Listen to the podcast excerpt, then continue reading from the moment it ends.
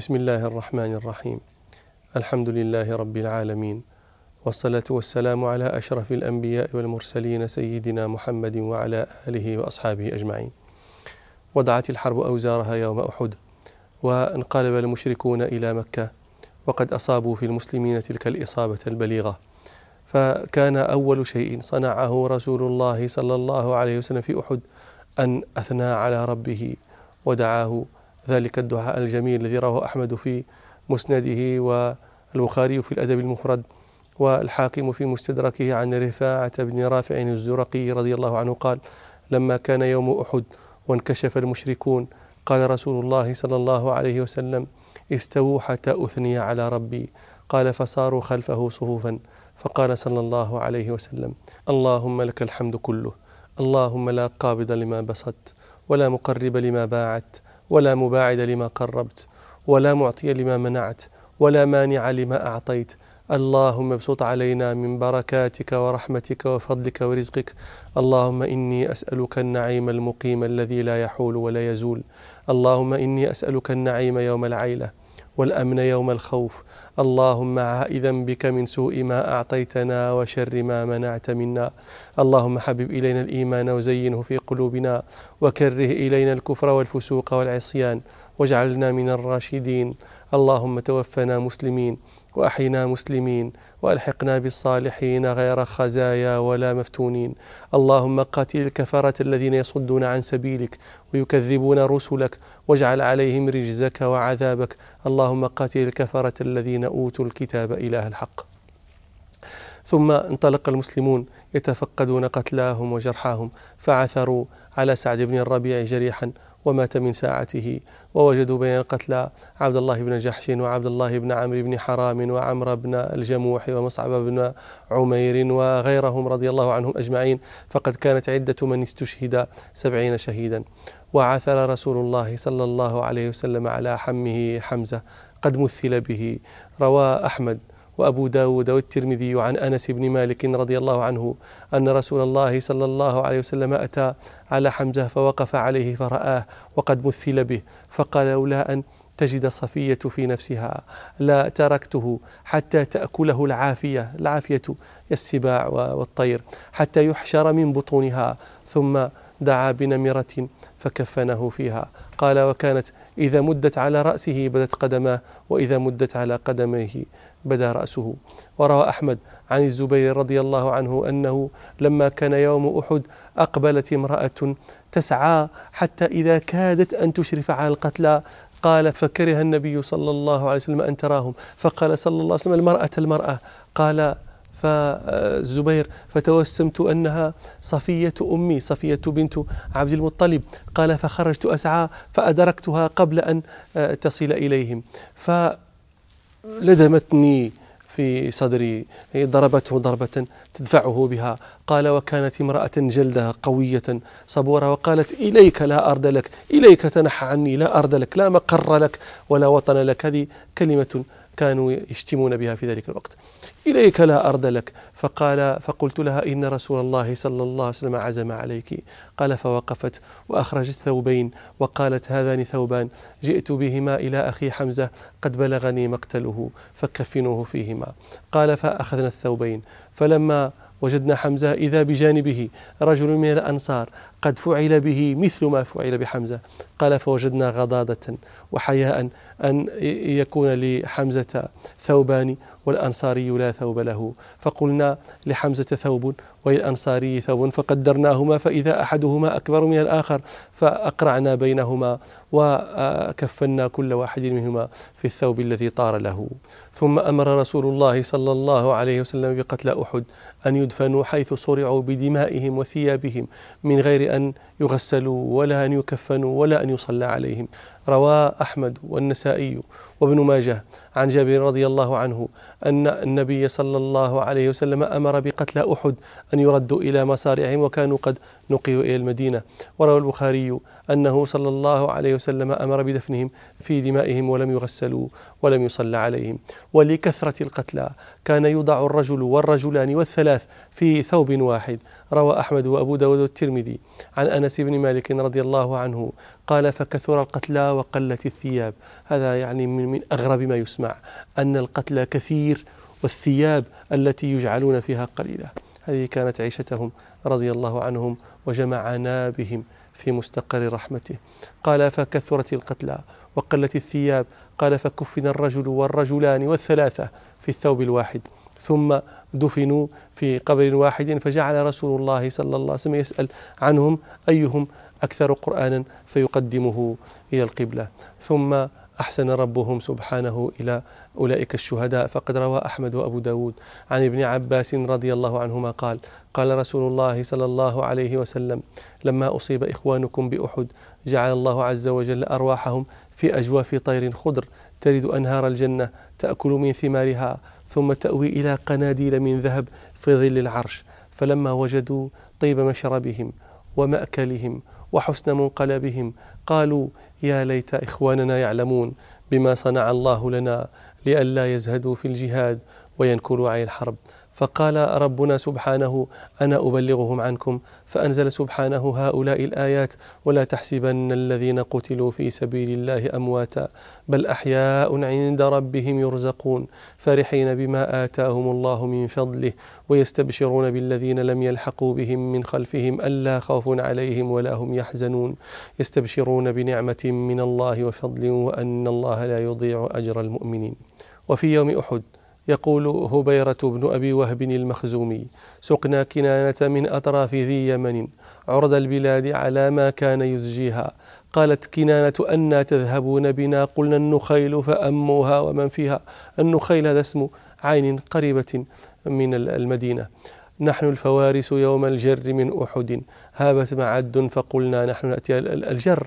وسفح الجبل يريد به هنا. سفح جبل أحد يقول نحن الفوارس في ذلك اليوم. نحن الفوارس يوم الجر من أحد.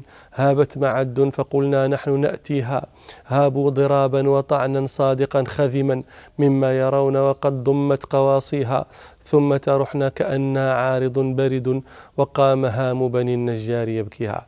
فأجابه حسان بن ثابت رضي الله عنه. يقول له سقتم كنانة جهلا من سفاهتكم إلى الرسول فجند الله مخزيها أوردتموها حيغض الموت ضاحية فالنار موعدها والقتل لاقيها جمعتموها أحابيشا بلا حسب أئمة الكفر غرتكم طواغيها هل اعتبرتم بخير الله إذ قتلت يوم القليب ومن ألقينه فيها؟ وقال عبد الله بن الزبعرى القرشي يوم أحد يا غراب البين أسمعت فقل إنما تنطق شيئا قد فعل إن للخير وللشر مدى وكلا ذلك وجه وقبل والعطيات خساس بينهم خساس أي دول والعطيات خساس بينهم وسواء قبر مثر ومقل كل عيش ونعيم زائل وبنات الدهر يلعبن بكل. أبلغا حسان عني آية فقارد الشعر يشفي ذا الغلل كم ترى بالجر من جمجمة وأكف قد أترت ورجل وسرابيل حساي سريت عن كمات أهلكوا في المنتزل كم قتلنا من كريم سيد ماجد الجدين مقدام بطل ليت أشياخي ببدر شهدوا جزع الخزرج من وقع الأسل حين حكت في قباء بركها واستحر القتل في عبد الأشل فقتلنا الضعف من أشياخهم وعدلنا ميل بدر فاعتدل. فأجابه حسن بن ثابت رضي الله عنه وجزاه خيرا. يقول له ذهبت بابن الزبعر وقعة. كان الفضل فيها منا لو عدل. ولقد نلتم ونلنا منكم. وكذاك الحرب أحيانا دول. نضع الأسياف في أكتافكم. حيث نهوى عللا بعد نهل. إذ تولون على أعقابكم. هربا في الشعب أشباه الرسل أشباه القطيع. هربا في الشعب أشباه الرسل. إذ شددنا شدة صادقة فأجأناكم إلى سفح الجبل برجال ليس فيكم مثلهم. أيدوا جبريل نصرا فنزل. أيدوا جبريل أي أيدوا بجبريل. فانتصب لنزع هذا الخافض وعلونا يوم بدر بالتقى طاعة الله وتصديق الرسل. وقتلنا كل رأس منهم وقتلنا كل جحجح رفل وتركنا في قريش عورة يوم بدر وأحاديث المثل. وقال كعب بن مالك رضي الله عنه يبكي حمزة بن عبد المطلب وقتل أحد من المسلمين. آه، نشجت وهل لك من منشجي وكنت متى تذكر تلججي تذكر قوم أتاني لهم. أحاديث في الزمن الأعوج فقلبك من ذكرهم خافق. من الشوق والحزن المنضج وقتلاهم في جنان النعيم كرام المداخل والمخرج بما صبروا تحت ظل اللواء لواء الرسول بذي الأضوج. غداة أجابت بأسيافها جميعا بنو الأوس والخزرج وأشياع أحمد إذ شايعوا على الحق ذي النور والمنهج. فما برحوا يضربون الكماة ويمضون في القسطل المرهج كذلك حتى دعاهم مليك إلى جنة دوحة المولج. فكلهم ما تحر البلاء على ملة الله لم يحرج لم يحرج أي لم يأثم. كحمزة رضي الله عنه كحمزة لما وفى صادقا بذي هبة صار من سلحجي. فلاقاه عبد بني نوفل يبربر كالجمل الأدعج لأنه حبشي يبربر إذ لا يصح بالعربية. فأوجره حربة كالشهاب تلهب في اللهب البهج. ونعمان أوفى بميثاقه وحنظلة الخير لم يحنج. لم يحنج أي لم يمل. لم يحنج عن الحق حتى غدت روحه إلى منزل فاخر الزبرج. أولئك لا من ثوى منكم إلى النار في الدرك المرتجي وقال عبد الله بن الزبعرى في يوم أحد يصف المسلمين بالضعف والجبن. يقول فلما رأونا خالطتهم مهابة وعاينهم أمر هناك فظيع وودوا لو أن الأرض ينشق ظهرها بهم وصبور القوم ثم جزوع وقد عريت بيض كأن وميضها حريق ترقى في الأباء سريع فغادرن قتل الأوس عاصبة بهم ضباع وطير يعتفين وقوع وجمع بني النجار في كل تلعة بأبدانهم من وقعهن نجيع.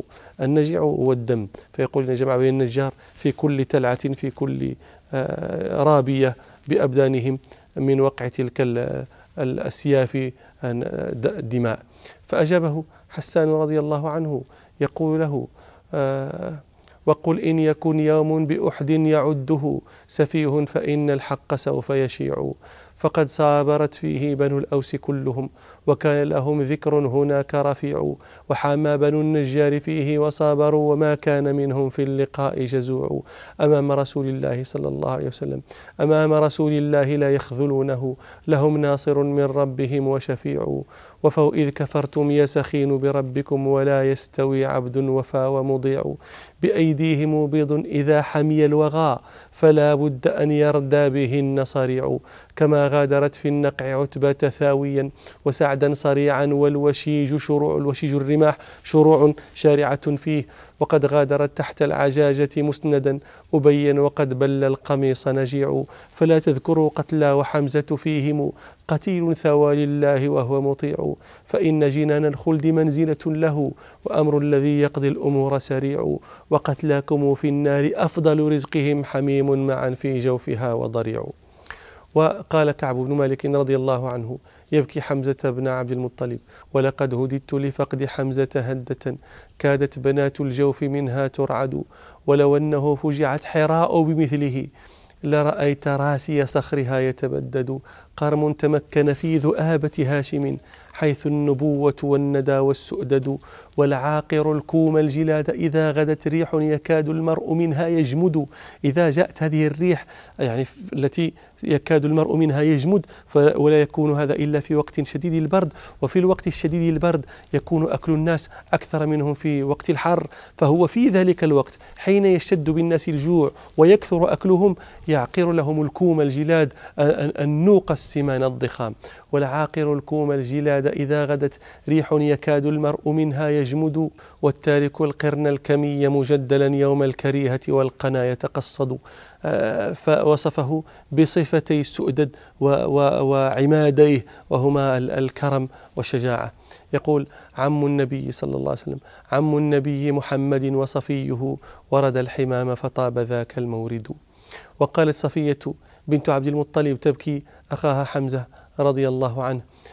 دعاه إله الحق ذو العرش دعوة إلى جنة يحيا بها وسرور فذلك ما كنا نرجي ونرتجي لحمزة يوم الحشر خير مصيري. فوالله لا أنسى كما هبت الصبا بكاء وحزنا محضري ومسيري. على أسد الله الذي كان مدرها يذود عن الإسلام كل كفور فيا ليت شلوي عند ذاك وأعظمي لدى أضبع تعتادني ونسوري. وقالت نعم امرأة شماس بن عثمان المخزومي تبكي زوجها شماسا وأصيب يوم أحد تقول يا عين جودي بفيض غير إبساس على كريم من الفتيان أباس صعب البديهة ميمون نقيبته حمال ألوية ركاب أفراس. أقول لما أتى الناعي له جزعا أودى الجواد وأودى الطاعم الكاسي وقلت لما خلت منه مجالسه لا يبعد الله عنا قرب شماس. هيهات وأي بعد أبعد من الموضع الذي هو فيه. هذا كما قال مالك بن الريب. يقولون لا تبعد وهم يدفنونني وأين مكان البعد إلا مكانيا فأجابها أخوها أبو الحكم ابن سعيد بن يربوع يعزيها ويقول لها اقني حياءك في ستر وفي كرم فإنما كان شماس من الناس. لا تقتل النفس إذ حانت منيته في طاعة الله يوم الروع والباس. قد كان حمزة ليث الله فاصطبري فذاق يومئذ من كأس شماس. وإلى لقاء آخر إن شاء الله. سبحانك اللهم وبحمدك أشهد أن لا إله إلا أنت أستغفرك وأتوب إليك والحمد لله رب العالمين.